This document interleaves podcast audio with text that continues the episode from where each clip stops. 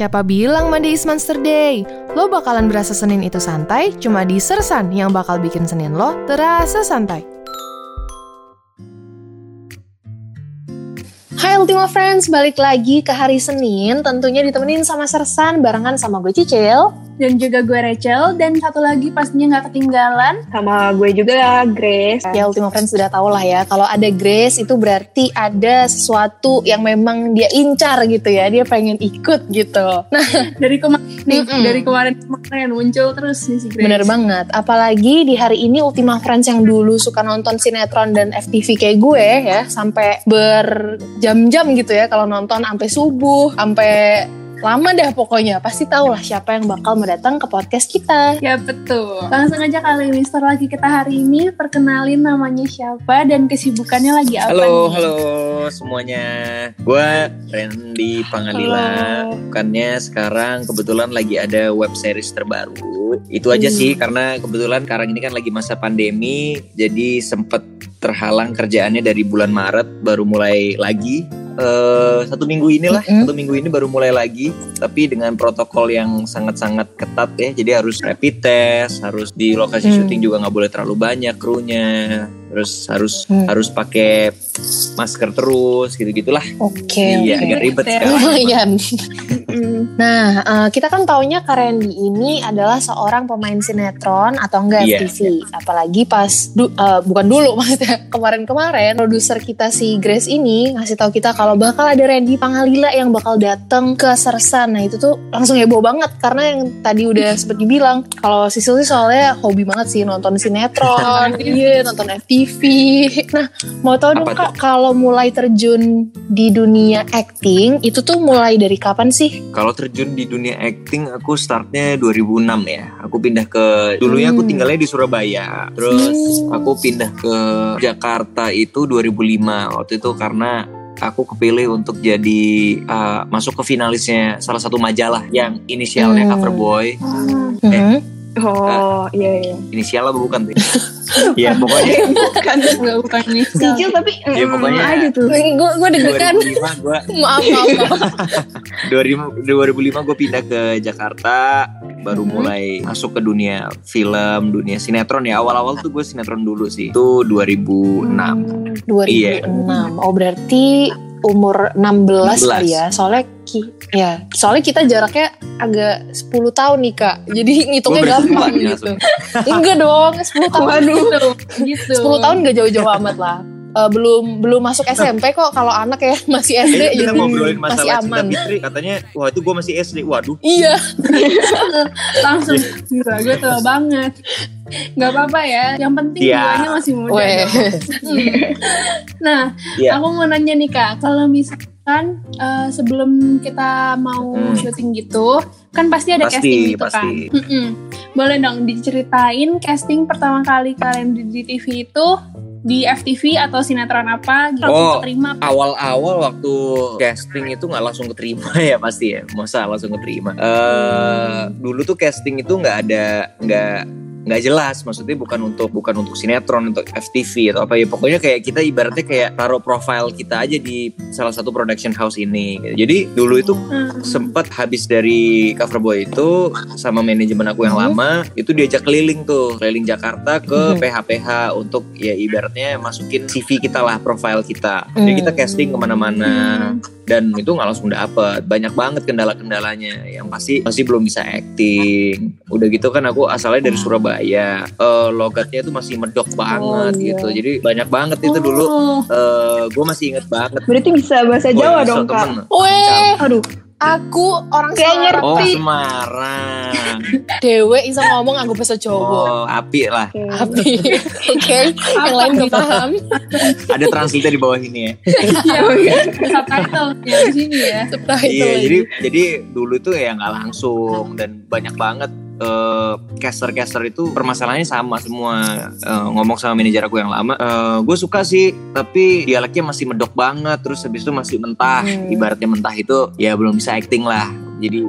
Disuruh banyak-banyak bergaul sama anak-anak Jakarta supaya bahasanya bisa agak berkurang bedoknya terus habis itu eh, disuruh mungkin kayak kelas acting kayak gitu-gitu Hmm. untuk basic-basicnya ya nah dari situ baru Oke. mulai dapat kesempatan itu ya 2006 tadi Oh gitu. Jadi lumayan ya agak tapi nggak terlalu lama nggak ya. terlalu lama sih sebenarnya gitu. Eh, Iya. iya. kurang lebih sih nggak sampai setahun juga sih karena kan 2005 aku masuk ke Jakarta setelah dari Cover Boy itu langsung Mhm. berusaha untuk casting casting ternyata banyak yang kasih masukan ini itu akhirnya mulai belajar Mhm. basic basicnya acting banyak banyak punya temen orang Jakarta yang bahasanya jadi Indonesia yang baik dan benar Mhm. baru akhirnya eh, kurang lebih 8 bulan 9 bulan lah baru dapat dapat sinetron pertama Oh gitu. Cepet juga berarti Iya. adaptasinya. lumayan lah puji Tuhan Emang ada bibit bebet bobot kali ya, makanya cepet gitu. nggak tahu juga sebenarnya kalau aku dari satu keluarga belum ada yang dari entertain baru aku sendiri sih iya Iya, keluar dari ini ya zona keluarga. Biasanya kan kalau Iya. keluarga sama Iya, semua ya karena kan. kalau ngikutin keluarga sebenarnya aku lahirnya di aku anak kolong dulu, lahirnya di kompleks militer gitu. Karena opa aku tuh Oh. dulunya eh, marinir dan Hmm. opa aku tuh eh, dulu apa ya bisa dibilang punya prestasi. Jadinya aku juga punya impian tuh sebenarnya dulu itu kepengen jadi marinir juga. Hmm. Gitu. Itulah kenapa aku tuh dulu ikut-ikut kejuaraan taekwondo, bela diri. Itu sebenarnya karena aku kepengen masuk ke eh, apa angkatan laut gitu. Ternyata Oke. jalan hidupnya bukan di situ. Jalan hidupnya malah jadi aktor. Iya, keren sih. Malah sekarang semua orang tahu ya kan. Tapi ngomongin soal logat sih emang struggling banget sih kak Pasti, itu. Pak. Jujur aku juga makanya jadi ini nyoba jadi penyiar buat latihan Nah, juga. bagus banget. Aku nggak tahu loh tadi kalau asalnya dari Semarang. Ya itu kebetulan emang aku jurusannya ilkom juga Oke. sih. Jadi dulu inget banget tuh semester 1 kan aku sekarang udah masuk semester 5 Iya, ya. iya. Semester 1 itu ada dosen aku waktu aku pertama kali presentasi benar-benar baru dua minggu kuliah itu diomongin kayak gini. "Eh, jadi eh, jadi anak ilmu komunikasi harus bisa mengendalikan eh, logat Iya. gitu. Jangan sampai logatnya keluar dibilang kayak gitu. Nah tapi itu malah bikin itu sih jadi pengen siaran terus jadi Pengen bisa nyoba ya? ngelatih. Iya. Iya, pengen praktis terus. Tapi emang susah sih. Memang harus gitu sih. Bener, emang bener. emang, eh, istilahnya practice make perfect itu benar banget sih. Iya, benar, setuju, Harus setuju. terus diolah. Iya benar banget. Nah ini mau balik lagi ke masalah casting ya oke. kak. Kan uh, Sisil, Rachel, Grace sama Ultima Friends itu belum tentu ngerti nih casting tuh kayak Iya. gimana. Nah kalau casting itu pertama uh, pertama casting itu emang dinilainya banyak orang gitu. Kayak audisi pencarian bakat gitu yang kita tonton-tonton atau gimana? Enggak sih. Ya, memang itu istilahnya benar-benar sama ya. Casting tuh ya kayak begitu. Cuman kalau yang kayak kita lihat di TV itu kan itu kan memang lagi ajang pencarian bakat kan. Jadi Mhm. otomatis dilakuin bareng-bareng Mhm. tuh. Tapi sebenarnya kalau misalnya kita lakuin yang datang ke eh, production house nggak Mhm. bareng-bareng gitu. Itu cuman kayak kita masuk di satu ruangan itu cuman sama caster, biasanya cuman caster, kameramen dan ya udah sih kadang-kadang kadang-kadang ya cuman kita bertiga aja gitu. Hmm, Gitu. jadi nggak ramean gitu ramean. ya? Biasanya kalau yang ramean itu karena dia memang ajang pencarian bakat dan ada kebutuhan untuk di shoot kamera juga kalau mereka sedang ada casting. Oh. Jadi dia open public begitu gitu. Sebenarnya sih enggak, enggak gitu. Cuman kayak bertiga biasanya. Cuman caster sebagai yang mancing dialognya juga dan kameramen biasanya gitu. Oke. Kalau misalkan nih dari 2006 Iya. sampai sekarang itu kan udah panjang banget nih ya berarti ya jalan Iya, iya. karirnya. Karena sendiri tuh paling sering dapet peran yang kayak gimana sih yang baik-baik apa yang jadi bad Aku boy? sih gitu. nggak tahu kenapa ya dapat kesempatannya itu protagonis terus. Hmm. Protagonis Hmm. pernah jadi antagonis cuman kayak satu kali dua kali lah kalau dibandingin dengan aku jadi protagonis itu nggak ada sembilan nggak ada nggak ada 10 persen ya kayak 95 persen aku selalu dapat kesempatannya itu jadi protagonis. Padahal sebenarnya aku sih suka-suka aja dapat peran apa aja ya. Karena kan jadi bisa explore jadi bisa mencoba untuk eh, tamasya karakter istilahnya Tamasya Iya, karakter. enak loh kalau misalnya kita baru baru tahu loh. enak loh kalau misalnya kita bisa kayak mencoba untuk masuk ke karakter baru itu itu itu sebuah kepuasan sendiri untuk seorang aktor ya dibandingin dengan kita mendapatkan peran yang sama terus itu kadang-kadang kita ada rasa jenuh juga gitu ya yalah ini sama lagi kayak yang judul gue yang kemarin jadi kayak gitu, Oke, Gitu. I see, I see, I seringnya see. si protagonis nggak tahu kenapa Emang ini ya. harus disangar-sangar Emang kayak suka belajar. Dapet antagonis Iya.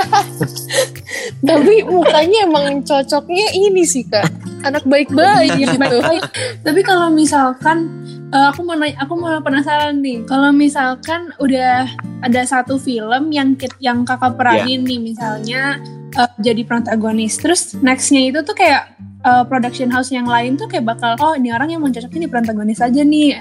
Mungkin karena itu kali ya, jadinya dapetnya protagonis mungkin terus ya gitu. aku aku nggak bisa bilang 100% iya atau enggak cuman mungkin mungkin Eh, tapi biasanya kalau dari yang aku perhatiin dan pengalaman-pengalaman yang udah aku aku jalanin sih mungkin itu kalau untuk sinetron biasanya kalau misalnya Hmm. kita udah sering dapat protagonis nggak tahu kenapa itu kayak dapetnya protagonis terus gitu tapi kalau film sih enggak sih sebenarnya kalau film itu lebih bisa lompat banget gitu yang dari yang iya Explore ya film jadinya. tuh biasanya jauh banget dari karakter yang kita biasanya Biasa diperanin Iya. ya. Itu sih eh, apa kenapa aku sekarang sangat-sangat tertarik sih di dunia film karena merasa apa ya ada kepuasan tersendiri bukan cuma masalah kerja cari duit tapi Mhm. kita ngerasa puas dengan karyanya itu Wes, Hmm. keren-keren tapi setuju sih. Nah tapi kalau misal dulu di waktu aktif-aktifnya di dunia sinetron dan FTV itu kan kayak yang tadi yang sebelum eh, sebelum kita podcast ini ya kita sempat ngobrol yang Uh-uh. masalah cinta Fitri Iya, ya kan itu ada yang sampai nimpuk pemeran Miska Iya, tuh iya. ya kan.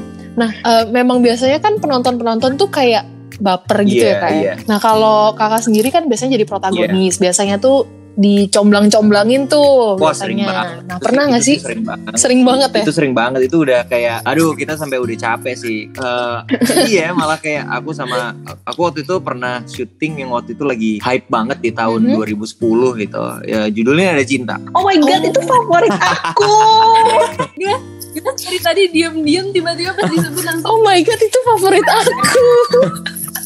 Aduh nanti aja deh kak aku ceritanya. Soalnya ntar nggak selesai-selesai sumpah. kenapa Jadi itu cerita? Nada Cinta itu saking hype-nya pada saat itu pada zamannya itu banyak Mhm. banget yang yang jodoh-jodohin aku sama Mika waktu itu. Padahal Hmm. sebenarnya aku sama Mika tuh ya temenan aja gitu. Justru pada saat itu aku sama yang satunya waktu aku belum nikah ya. Oh. Waktu aku belum nikah. Iya iya. Waktu itu masih anak Hmm. muda kan. 2010 aku masih 20 tahun. Yang jadi Rasti bukan sih, betul. Kak? Itu dulu justru aku sama dia gitu. Tapi karena hmm, penonton itu bapernya sama Mika, mereka tuh kayak ngejodoh-jodohin, cocok nih sama Mika nih.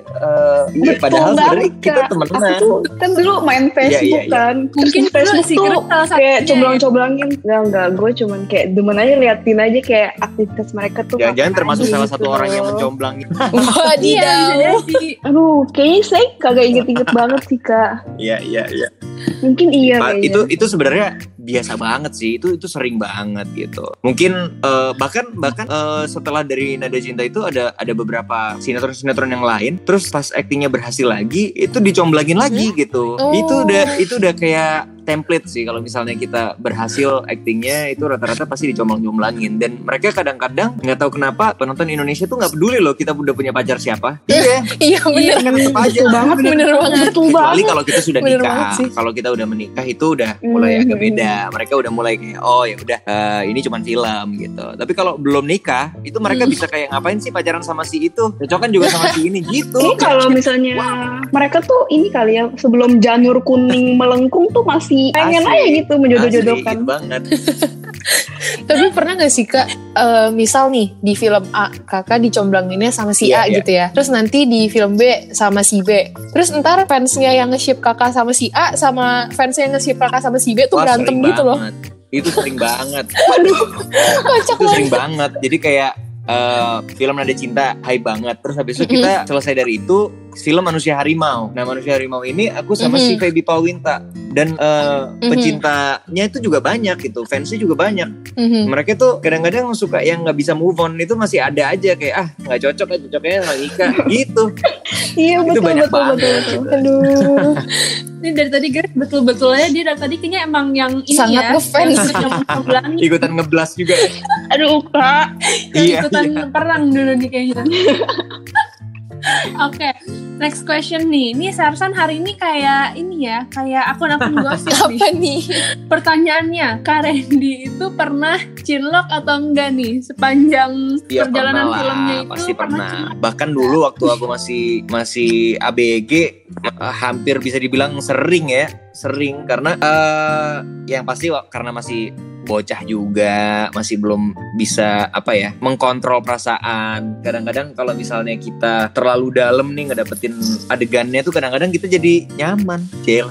Jadinya Iya, iya. gitu terus habis itu Bisa udah gitu kalau misalnya kita syuting stripping sinetron yang yang memang stripping ya tiap hari tayang itu kan kita jadinya ketemunya sama dia lagi dia lagi setiap hari Oh iya. dan kita tuh ketemu itu bisa lebih Ketemu lama daripada mulu, ketemu ya. keluarga kita kalau Hmm. syuting itu bisa kadang-kadang kalau misalnya udah kejar tayang lebih dari 24 jam loh kita di lokasi syuting terus dan kita ketemunya dia terus lama kelamaan ya cinlok Hmm, gitu itu itu manusiawi sih. itu itu sering gitu. Cuman yang beneran sampai akhirnya jadian tuh cuma dua kali. Oh iya. cuma dua kali waktu di Cinta Fitri dan ada cinta. Sisanya sih ya ya bisa dikontrol. Udah mulai dewasa lah udah mulai bisa ya ini kan ini mah biasa ini cuman adegan doang Agak kepo nih ya sebagai pecinta cinta Fitri jadi kepo nih gue. Siapa ini? dulu juga waktu Cinta Fitri kan karena dijodoh-jodohin terus akhirnya eh, jadi Seneng beneran. iya jadi akhirnya jadian beneran Aduh.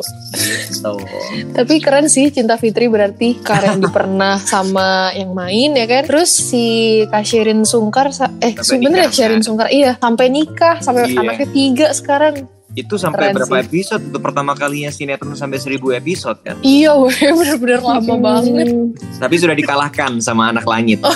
2000 lebih Iya. betul betul. Itu tuh kalau misalnya ribu-ribuan gitu beneran episodenya ribuan nggak sih beneran. kak atau cuman tulisan Beneran, doang? beneran. Oh, beneran. Masa bohongan Wah, Grace? yang nonton gila, tapi gue tuh kayak nggak nyangka gitu loh soal ah seribu episode lu secapek apa seberapa lama lu Jadi syuting udah jadi kayak keseharian, udah kayak memang. Kita bangun pagi pasti iya siap-siap untuk syuting gitu. Asik sih itu sebenarnya. Kenapa? Gitu ya berarti ya. Konsepnya berarti kayak Iya. kerja kantoran gitu Nah, kayak itu bangun, itu bedanya eh, sinetron, FTV dan juga film. Kalau sinetron Hmm. itu kita itu punya konsep cerita seperti apa. Setelah itu Mm-mm. dikembanginnya nanti sambil berjalan gitu. Oh. Dikembanginnya tuh nanti pada saat kita syuting, kita lihat dari rating ternyata bagus nih pas adegan romance si Mhm. A sama si B. Akhirnya besok ditambahin tuh romance lagi si A sama si B. Eh ternyata ratingsnya makin tinggi ya udah akhirnya ceritanya menuju ke arah sana. Oh gitu. Jadi kalau stripping itu begitu sistemnya. Tapi kalau film dan juga FTV itu beda. Karena kalau film itu sebelum kita mulai syuting itu kita masih ada preparationnya dulu dan kita juga harus baca dulu ceritanya. Kita udah tahu jalan ceritanya gimana, kita udah tahu endingnya bagaimana, baru kita bermain karakter tuh. Oh gitu. Kirain kalau sinetron tuh ya udah gitu kayak udah ditulis Enggak sampai selesai juga. Enggak, makanya Ah, kenapa dia bisa sampai ribu-ribuan karena mereka Oh. tergantung dengan dengan rating dan juga Rating. eh, ini juga ya apa bagaimana penonton juga sukanya di di Oh. di apa gitu suka di romansnya atau adegan berantem ya makanya kalau misalnya film-film action rata-rata berantem mulut tiap hari tuh Iya, bener. itu Terus kan kalau dilihat yang- dari rating gitu Iya. begitu dia fighting ternyata ratingnya tinggi ya udah akhirnya ditambahin lagi gitu Terus kalau yang misal nangis, nangis terus. iya karena ratingnya Ratingnya- tinggi orang seneng aja ngelihat dia mewek gitu Aduh. Tapi ya kak, ini eh, kepo nih, kepo dikit. Berarti Ya. kalau misal sinetron yang nggak terlalu lama, itu Ya. mungkin apakah ada kemungkinan tidak sesuai gitu nggak sih targetnya? Jadi ratingnya kayak kurang, jadinya ya udah dikelarin gitu. tergantung ada ada ada banyak faktor sih memang eh, yang terbanyak faktornya biasanya sih itu jadi Mhm. tidak sesuai dengan rating akhirnya ya harus Kelar. bungkus ya, sebutannya bungkus gitu Oh, Rap. dibungkus. Heeh. Ya, jadi tapi kadang-kadang juga nggak begitu kadang-kadang juga ada si eh, perjanjian antara si pemain dengan eh, Oh. rumah produksi ini bahwa dia cuma bisa sampai sekian episode misalnya begitu karena Oh, dia gitu. harus mungkin keluar negeri atau dia memang memang cuma bisanya segitu Oh. nah jadi pada saat tidak bisa dilanjutkan dan tidak bisa peran itu digantikan oleh yang lain akhirnya Mhm. harus eh, dengan kesepakatan yang sudah disepakati dari awal jadi tergantung sih nggak nggak nggak selalu gara-gara ratingnya nggak bagus. Memang betul juga lebih banyak alasannya itu. Hmm. Terus kak kalau misalnya syuting-syuting gitu kan pasti tuh em, lingkungan sekitarnya tuh pasti rame lah kayak tahu ih ada syuting nih ada syuting Iya. atau enggak Ih ada Randy Panglila nih, ada Randy Panglila. Pasti kan fans fans fans gitu kan suka Iya, nyamperin iya, gitu sering kan. banget. Boleh nggak bagiin bagiin pengalamannya bareng fans disamperin gitu gimana sih kak? Eh, aku sih kalau stripping sering banget ya disamperin sama eh, fan. Eh, kalau misalnya stripping tuh memang agak beda sama film. Kalau stripping itu kan kita memang setnya tuh kadang-kadang ya memang di tengah kota aja gitu di rumahnya siapa gitu. Hmm. Jadi jadi ya pas ada keramaian Hmm. orang-orang sekitar pasti itu apaan sih syuting apaan sih ternyata oh ini udah cinta nih. Orang pada mau mampir gitu kan. Kalau film film tuh biasanya justru kita pilihnya tempat-tempat yang jarang dipakai sama sinetron gitu. Jadi Oh, kadang-kadang jauh banget dari keramaian gitu. Jadi orang nggak Hmm. tahu kalau kita di kalau gitu. pengalaman aku sama yang disamperin itu dulu yang paling sering banget nyamperin itu waktu di sinetron ada cinta. Itu banyak banget. Hmm. banyak banget yang datang-datang ke lokasi Hmm. syuting terus ngasih-ngasih eh, ya mak- eh, kue makanan. Baik-baik sih mereka semua yang ngefans itu sportif banget sih pada saat itu. Bahkan ada beberapa fans yang saking saking seringnya datang ke lokasi syuting sampai akhirnya jadi temen Oh iya. sampai akhirnya kita Oh, eh, waktu Instagram baru-barunya kita DM DM-an Oh. follow-followan. Terus habis itu Hmm. sampai sekarang kita masih punya akun eh, apa nomornya dia di line gitu-gitu. Kita masih sering kadang-kadang walaupun ya pasti sekarang mereka udah sibuk sendiri ada yang udah nikah ada yang udah kerja. Jadi Hmm. mereka juga udah nggak pernah kontak lagi. Tapi kalau misalnya aku ada film baru atau apa mereka masih sering support gitu. Suka ngepost di Wow. Instagramnya. Keren sih. Jadi ah, berawal dari Nada Cinta itu banyak sih. Ada ada bisa dibilang 10 orang lah. 10 orang yang yang yang sama aku sampai jadi temen gitu yang yang punya Oh. nomor terus Banyak sih itu. Iya punya nomor karena yang datang tuh lebih banyak dari itu beda-beda orangnya gitu Hmm. tapi yang yang sering banget sampai akhirnya kita jadi temenan itu sekitar 10 orang sih gitu. Tergantung ininya juga gak sih kak artisnya juga kalau yang emang humble ya emang pasti bisa dapet temen tapi kalau yang ada gak sih yang misal yaudah gue cuman ngumpet aja deh pokoknya nggak yang nyamperin ada gitu. juga ya itu kan semua tergantung Hmm. dari orangnya masing-masing. Mm-mm. Kalau tapi ya nggak bisa nyalahin juga. Kadang-kadang ada juga artis yang begitu bukan juga karena dia sombong. Kadang-kadang kalau misalnya kita syutingnya pulang pagi udah capek, Capek ya. banget, kita tuh mau senyum sama orang aja itu udah otot pipi itu udah lemes banget gitu. Jadi mereka yang kayak aduh gua nggak kuat nih kayaknya udahlah gua bilang aja gua lagi syuting padahal dia ya mau istirahat aja karena udah capek Hmm, banget gitu. Nah, kadang-kadang sih alasannya juga bukan berarti nggak mau diganggu karena sombong. Cuman ya Hmm. itu kembali lagi ke karakter orang masing-masing ya. Mungkin mungkin ada juga yang ya memang simply nggak mau ketemu aja gitu. Oke, ya macem-macem lah ya orang Macem-macem tuh ya. Nah nih kalau boleh tanya nih ya kak, mau dijawab monggo, nggak dijawab ya wes. Oke. Ini kalau dari semua judul FTV, sinetron atau Iya. mungkin film gitu ya yang udah Iya. dijalanin, ada nggak sih lawan mainnya yang paling chemistry-nya tuh paling oke gitu, yang paling gimana ya, paling mantep gitu lah. Paling mantep ya. Kalau mau satu Apa gimana? dua gitu. Kalau mau sebutin boleh satu, boleh lebih dari Yang satu. chemistry paling mantep nomor satu ya. Mm-mm. Dari sepanjang Heeh. karir yang pernah aku alamin nomor Mm-mm. satu itu justru waktu aku di film Kucumbu Tubuh Indahku itu Oh, film keren yang sampai di band di beberapa tempat karena dibilang kita eh, apa eh, tidak kayak terlalu ini ya sih. dia terlalu eksplisit Vulgar, lah. vulgar. menurut Iya. mereka terlalu Iya, vulgar iya, betul, katanya betul. gitu. Nah, Ya. tapi terbukti dengan film itu banyak sekali film itu mendapatkan award di macam-macam penghargaan ya termasuk penghargaan paling besar di Hmm. Indonesia itu Indonesian Wih, eh, FFI Festival Film keren keren. Indonesia keren. itu luar biasa sekali dan chemistry yang menurut aku paling sulit dan paling apa ya menurut aku berkesan sekali sih waktu sama Muhammad kan sih karena men aku belum pernah dapat peran yang Mm-mm. harus chemistry itu sama laki gitu sama sesama jenis gimana tuh Oh, Gimana tuh, Susah ya. coba Agak bayangin susah ya. coba bayangin Rachel punya adegan sama Grace Gimana? Ketawa Nah, sih kan? ini.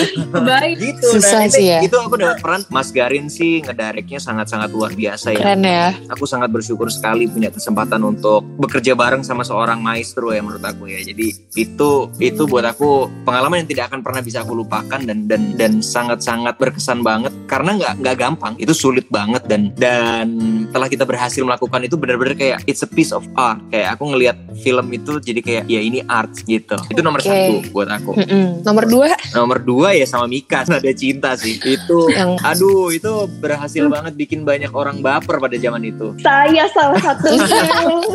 itu nomor dua buat aku. Aduh kak, Karena apa ya? aku tuh kayak seneng banget, Iya, sumpah. eh, Nada Cinta tuh buat aku sinetron yang lengkap ya. dia ada musikalnya, dia ada romansnya, Betul. dia juga ada actionnya, dia juga Betul. ada dia ada semua gitu. Jadi sinetron itu tuh buat aku tuh juga sangat-sangat berkesan dan aku aku bersyukur sekali bisa ada di sinetron itu. Aku banyak belajar sih, banyak belajar bar, ah, hal yang baru. Eh, gimana caranya kita di dalam satu sinetron tuh bukan cuma drama, ya tiba-tiba ada musikal yang kita harus ya, ya nyanyi sambil ngedance dan itu nggak gampang kalau buat Nggak orang gampang. Yang nggak bisa ngedance kayak gua ya pusing gitu. Cuman Tapi pengalaman ya. itu pengalaman banget sih dan dan kita berhasil apa ya membuat banyak orang percaya bahwa Nada dan Ricky ini emang benar-benar falling in love gitu jadi itu itu berkesan sih nomor itu nomor dua buat aku dan yang terakhir apa ya yang terakhir ya Cinta Fitri Semuanya tuh sinetron-sinetron yang ini ya, yang andalan gitu loh, Iya. yang emang boom banget ya. Tapi sebenarnya kan eh, apa di eh, manusia harimau juga itu sebenarnya bisa dibilang boom pada zamannya juga tapi kenapa Hmm. aku bilang nggak terlalu karena mungkin fokusnya lebih ke pertarungan si harimau dengan si singa ini kan jadi lebih ke actionnya jadi bukan ke Hmm. bukan ke chemistry sama pasangan sih itu sih gitu Iya. kalau yang lainnya kan memang true drama gitu yang yang harus Iya. punya chemistry yang dalam banget gitu sama lawan main BTW ngomongin nada cinta, aku tuh kan kayak nggak inget ya judulnya apa, terus gimana. Iya. Begitu lihat apa posternya, foto-fotonya tuh langsung inget. Oh iya, ini gue juga nonton ini kalau ini mah. Benar-benar apa teman masa kecil banget ya Iya, kayaknya. 2010 itu aduh itu rame banget sih pada zamannya. Aduh, tapi orang-orang sukanya arti sahabat kan. Tapi aku selalu sukanya nada Iya, cinta iya, gitu iya. loh. Arti sahabat tuh yang pompong itu ya? Iya itu gue juga nonton. Ih, Ih, iya. itu kalau itu kan eh, pulang sekolah tuh gue juga inget. Iya, Itu itu, dua itu, itu. Itu dulu head to head sih zaman dulu. Iya, head. kan, kayak bersaing banget tuh. Tapi dua-duanya nonton kita ya Grace ya. Iya, dan dua-duanya panjang. Iya benar, Iya, benar, benar, benar. Tapi gue lebih nonton nada cinta sih, Cil. Gue inget banget di Indosiar jam Oh, dua mas, malam. padahal itu baru Keren. buka, buka Google padahal. Enggak, Kak. Aduh, gile. Iya, Aku masih inget banget. itu ya. Tapi emang ngomongin eh, nada cinta kan emang ada nyanyi-nyanyinya ya. Iya, iya. Aku sempat buka Spotify kakak sih, emang suaranya dari ini ya dari dulu memang bagus gitu. Oh, thank you. Sopan Oh. gitu ya, masuk ke telinga tuh sopan gitu. Kalau misalkan nih, kan kakak udah banyak eh, ngebintangin film, FTV, sinet. Kalau misalkan buat Karandi sendiri, kalau sekarang ini lebih prefer buat dapet proyekan sinetron atau Hmm, film? Ini sangat-sangat sulit dijawab ini ya. Eh, kalau aku secara kepuasan lebih sebenarnya aku lebih suka film sih dan dan memang untuk saat ini aku lagi lebih fokusnya ke film dan juga mungkin kayak web series web series eh, kayak Netflix, iFlix kayak gitu-gitu karena eh, kembali lagi di masalah cerita yang sudah fix kalau di stripping itu jujur buat aku ya ya enak buat cari duitnya karena satu hari satu episode ya kan Iya iya benar-benar. Cuman kadang-kadang eh, mungkin aku kehilangan dari sisi kepuasan bermain actingnya gitu. Oke, Gitu. emang emang ini ya. Tapi kalau film itu lebih ini gak sih kak? Kayak lebih berat gak sih kak sebenarnya? eh bisa dibilang seperti itu karena eh, dari segi persiapannya aja udah beda sih. Kalau Mm-mm-mm. kayak film itu kita pasti butuh waktu untuk reading dulu, Mm-mm-mm. untuk workshop dulu, bahkan dari segala hal sampai sekecil mungkin se- seperti kayak kostum, eh, gaya Iya. rambut, jenggot ini mau seberapa panjang itu didesain pada saat kita workshop gitu. Hmm. Jadi kita Jadi reading emang dulu. detail ya. Iya, kita kita kita coba untuk ngebedah karakter gitu. Ini karakter si A nih, misalnya Randy dapat peran si A. Mm-mm. Ini tuh karakternya dia tuh seperti apa sih? Oh, dia tuh seorang sisi misalnya atau nah berarti dia harus orangnya tuh kayak gimana? Selengean atau enggak? Dia dia bukan dia bukan dia bukan musisi yang selengean, dia musisi yang yang kalem. Oke. Hmm. Berarti stylenya juga harus berbeda, cara dia berpakaian juga harus berbeda, gaya rambutnya, jenggotnya berbeda, cara dia ngomong sama orang berbeda. Jadi jadi ada banyak banget persiapan-persiapan yang sangat detail yang buat aku proses itu yang membuat aku jadi puas pada saat bermain acting gitu. Kalau Oke. stripping kan memang kita nggak ada persiapan, kita langsung aja ya. Pokoknya kita dapat peran eh, si Ricky ini adalah seorang pemuda cool di sekolah ini dan dia bisa nyanyi Dah. Nah sisanya ya udah kita Anak band. kita jalanin aja. Nanti ceritanya ke mana ya kita ikutin gitu aja gitu. Oh, termasuk kalau film itu misal eh, berat badan kayak gitu itu Oh juga iya, diatur nggak sih? banget, penting banget. Misalnya kita dapat cerita yang sangat-sangat eh, berat ya. Misalnya ceritanya ini seorang pemakai narkoba misalnya. Ya berarti kan kita juga harus punya Hmm, berat badan yang kita harus ya kita harus banyak-banyak mencerminkan ya. Iya, kita harus Benar, observasi. Bukan berarti kita harus makai narkoba juga ya. Iya. Jangan dong. Iya, Capek. jangan Cuma betul. kita harus observasi kan. Mm-mm, Observasinya benar. itu sebenarnya zaman sekarang tuh kita udah dimudahkan dengan ya internet gitu. Kita bisa Iya, Google aja gitu. Kita ngelihat Mm-mm. gimana sih orang eh, yang ngobat itu kayak gimana gitu. Dan obat Mm-mm. jenis apa? Karena beda-beda. Yang kanabis begini.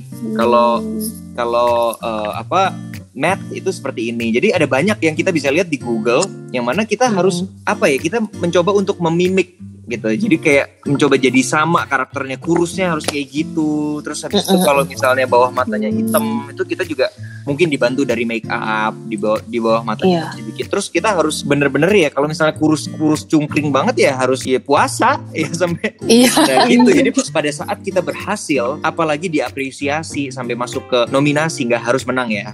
Menurut aku, siapa pun yang sudah masuk nominasi itu sudah berhak diacungi jempol, berarti berarti sudah berhasil. Karena untuk masuk nominasi aja itu juga nggak gampang loh, itu udah dari berapa Iya. ratus film itu di dalam satu tahun gitu yang untuk di compare. Nah itu kalau sampai kita masuk ke nominasi berarti kan lima besar. Ada sebuah kepuasan tersendiri dalam hati itu yang kayak gila men prosesnya nggak gampang dan dan akhirnya diapresiasi sama orang itu luar biasa sekali sih. Itu yang Bangga banget ya. itu yang menjadi sebuah kebanggaan bener gitu. Keren keren. Ya, berarti di buat syuting tuh detail banget ya, nggak segampang yang kita lihat di depan layar Oh iya. gitu. itu itu dulu waktu aku Kalau misalkan dari nonton Karim doang sih ya sama bisanya cuma ngeliat doang begitu aku begitu aku terjun langsung baru aku Ya. kayak nonton film-film yang jadul itu kayak aku appreciate banget sih apalagi kita Keren lihat gitu. di zaman itu teknologi masih belum kayak sekarang mereka masih bisa membawakan peran-peran itu luar biasa sekali gitu kan wow Iya, iya betul. lo observasinya Emang- gimana zaman dulu gitu kan Emang bakat kali ya. Belum ada Iya. internet, belum ada- Kalau misalkan Karen sendiri paling banyak buat satu itu berapa kali retake yang paling banyak nih? Sepanjang karir Iya. Heeh. Kebetulan sih kalau untuk beberapa eh, tahun terakhir puji Tuhan sih jarang banget ya retake ya. Kalaupun ada retake tuh biasanya teknis. Teknis tuh ya mungkin eh, boom untuk vokal bocor masuk ke dalam Oh. eh, kamera atau lampu terlalu terang atau Hmm. bagaimana itu teknis bukan dari aktor. Tapi kalau untuk retake karena sayanya dulu banget sih pertama kali aku dapat project itu cookies ya cookies aku masih ingat banget inget gak dulu tuh ada cookies tuh kayak misalnya cuma 10 10 episode gitu tayang di TV tapi cuma 10 episode jadi udah didesain dari awal tuh memang 10 ya 10 episode nah itu aku pertama kali banget acting nggak ngerti bagaimana blocking nggak ngerti Mhm. aku eh, bagaimana caranya acting karena aku cuman ngafalin gitu Oh. cuman ngafalin dialog aja gitu nggak nggak nggak nggak pakai rasa mainnya akhirnya Jadi disuruh ngulang ya. Akhirnya itu ulang-ulang terus sampai kurang lebih mungkin 12 kali ya. 12 kali itu sampai semua pemain dan kru itu udah capek sampai aku dimarah-marahin sama sutradaranya gitu 12 kali itu terbanyak kak. terbanyak iya Waduh itu kayaknya kalau gue udah lebih dari 12 kali. Udah auto dipecat gitu ya. udah udah gak usah lu yang main. itu, itu aja aku dulu udah udah sampai auto hampir dipecat. Oh iya. iya udah sampai dimaki-maki Wow. banget gitu sampai sampai sampai ditelepon orang kantornya gitu. Kayak ini siapa sih yang ngoling anak baru ini? Itu zaman dulu banget sih itu. Waduh parah sih tapi eh, Pengalaman lah pengalaman ya. itu sangat-sangat berharga Iya. sih. Tanpa adanya Iya. proses itu, nggak ada yang mendorong aku untuk menjadi lebih baik lagi. Benar, wes benar-benar banget sih. Kata-katanya dari tadi bijak-bijak semua ya ini ya. Apa gara-gara gue udah nikah ya? Waduh, bisa jadi ini Apa Ini kita nggak ngomong ya kak ya. Dari tadi kita udah bilang kakak jiwanya muda, kakak jaraknya cuma dikit, kakak sendiri nih. Yaudah, yaudah. Oke, kembali muda lagi.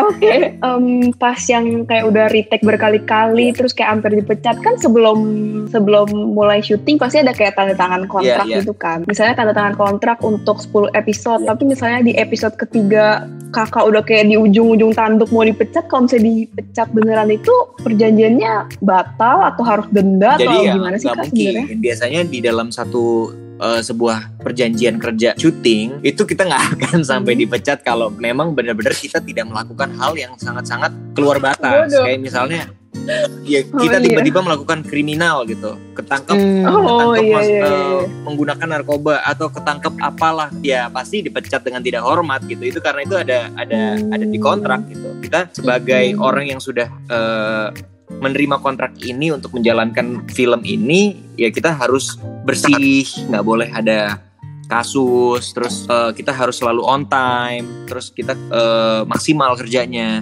Nah, kalau misalnya kita tiba-tiba datangnya telat mulu bahkan di calling syuting hari ini nggak datang ada loh yang kayak gitu Oh iya. ya kalau kayak gitu udah pasti lama kelamaan dipecat dan itu justru dia yang harus bayar denda Hmm. ya lu nggak niat berarti di calling nggak datang Iya bener Iya, sih. iya, iya. Bener Terus sih. ngerepotin orang banyak gitu kan Bener-bener. belum lagi kan kalau misalnya kita tidak bisa tayang kan PH harus membayar eh, ganti rugi untuk ke TV Hmm. mereka kan juga ada hubungan Oh, apa Perjanjian juga perjanjian ya. juga. jadi kan ibaratnya ini satu Oke. orang yang yang bikin jadi kasus ini jadi ke mana-mana gitu kan Hmm. gitu sih Nah tapi selama perjalanan karirnya kakak ini main sinetron, main FTV, main film itu pernah dapat kalau dapat nyinyiran pasti ada lah namanya juga Oh, netizen sering, Indonesia sering ya.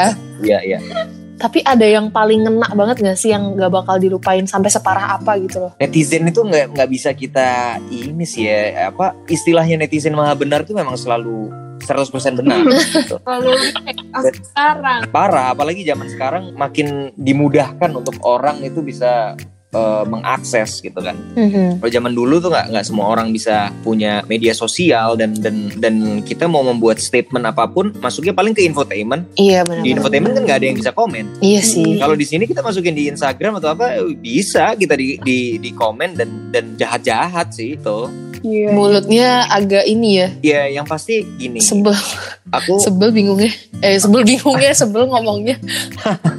aku sih intinya eh, aku orang yang paling tidak suka keributan Hmm? jadi aku aku tuh selalu berusaha untuk postingan aku tuh yang tidak menuai kontroversi gitu Mhm. tapi kalaupun ada yang berusaha Nyinyir. untuk nyinyir tanpa ada alasan itu biasanya aku agak keras sih sama sama mereka gitu. Orang-orang gitu karena ya. aku ngerasa eh, gini media sosial saya adalah rumah saya Mhm. kalau tiba-tiba kamu datang ke rumah saya dan gak sopan, jangan marahin saya kalau saya usir anda gitu kan. Ya kan istilahnya kayak gitu. Jadi jadi kalau misalnya kecuali kecuali aku melakukan sebuah kesalahan dan dan dinyinyirin sama netizen. Tuh ya walaupun aku tidak bisa bilang ya netizen benar, ya enggak juga. Ya bukan berarti kita berhak untuk menjadi seolah-olah kita maha benar, tetapi eh, masih setidaknya aku masih bisa menerima dan mungkin aku akan berusaha untuk memberikan klarifikasi. Aku pernah juga sih kena masalah kayak gitu. Oh iya. Pernah, pernah juga. Tapi itu bukan masalah di eh, perfilman aku ya. Ya, Mhm. Masalahnya masalah yang lain yang sebenarnya tidak aku lakukan, tetapi ada oknum lain yang melakukan kebetulan di rumah aku. Begitu. Hmm. Akhirnya semua netizen ini eh, nyacernya ke aku nih. Padahal aku sendiri nggak ngerti ini kejadiannya tuh apa. Dan pada saat itu lagi Natalan lagi. Aku lagi di Oh. lagi kumpul sama keluarga jadi itu adalah hari yang apa ya Natal yang paling dark banget buat gua sih karena kayak yang harusnya Natal tuh kita happy kita kita kumpul keluarga ini kayak Iya, iya, iya. suram banget sih kayak wah dinyinyirin tuh yang benar-benar mereka itu mereka jahat loh netizen itu benar-benar Iya kayak ya, wah heartless banget gitu. Jadi buat teman-teman yang masih belum pernah mengalami aku cuman mau bilang ya bersyukurlah gitu. Karena begitu yang udah pernah kena komennya netizen itu mereka sadis loh. Ada juga yang kata-katanya wah parah Hmm. banget gitu. Aku kan waktu itu kan masalahnya masalah masalah anjing gitu ya kan masalah anjing. Aku nggak tahu kalau anjing ini ditaruh di rumah aku dengan tidak benar cara naruhnya Oh. cara naruhnya itu tidak benar gitu. Padahal aku nggak tahu, memang itu rumah aku, tapi aku nggak tahu ada perjanjian eh, naruh anjing ini di rumah aku sama orang tua aku. Itu mereka tuh benar-benar kayak kayak lo mau ngapain? Apa anjing ditaruh gitu mau lo jual? Lo udah nggak laku di kerjaan lo. Yang kayak yang sadis banget gitu kata-katanya itu yang kayak tapi apa ya gue gue selalu berusaha untuk gue nggak mau ikutan tersulut api gitu masalah.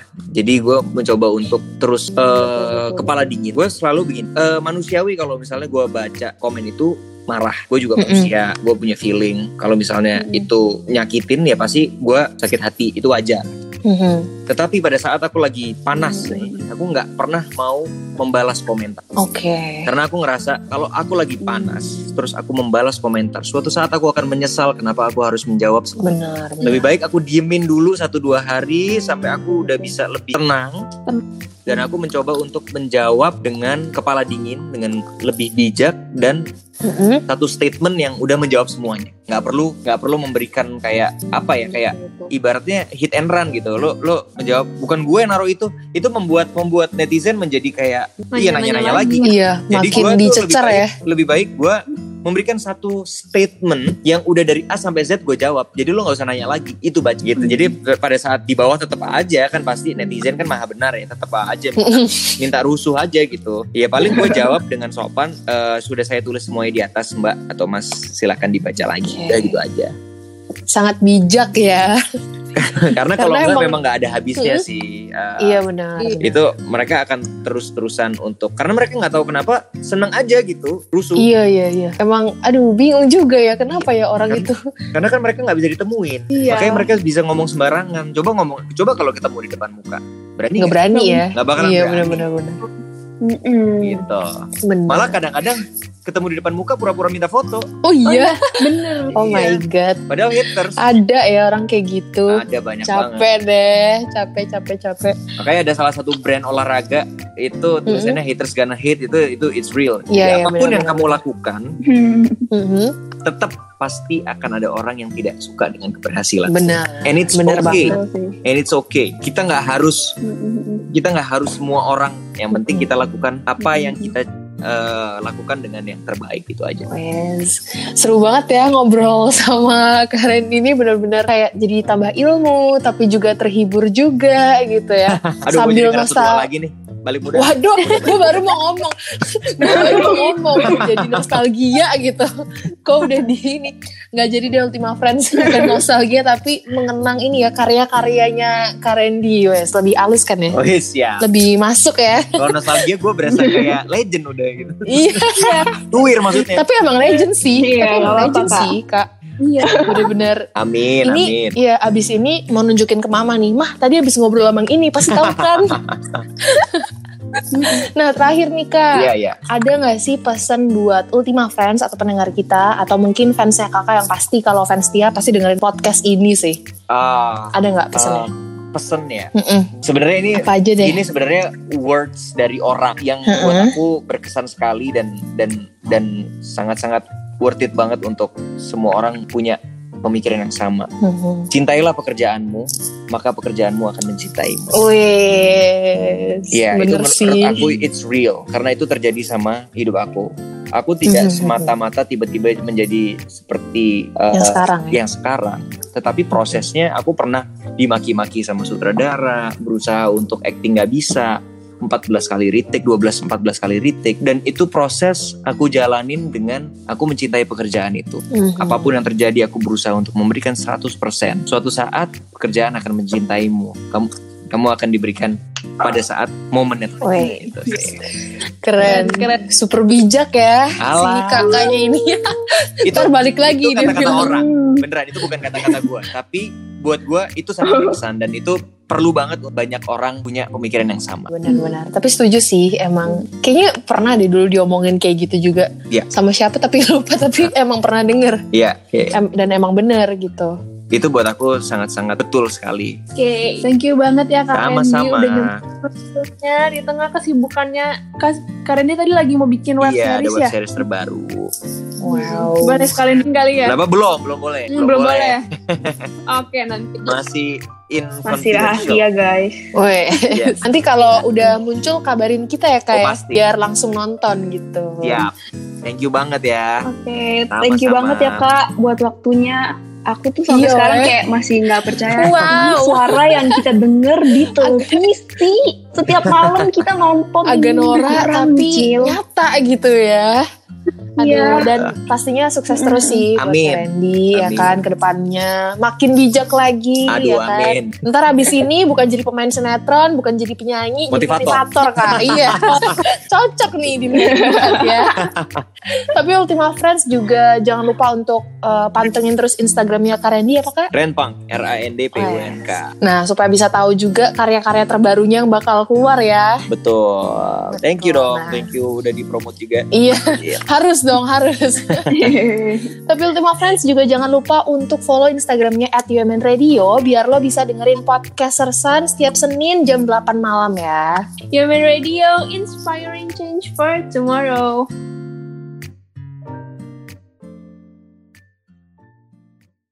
Siapa bilang Monday is Monster Day?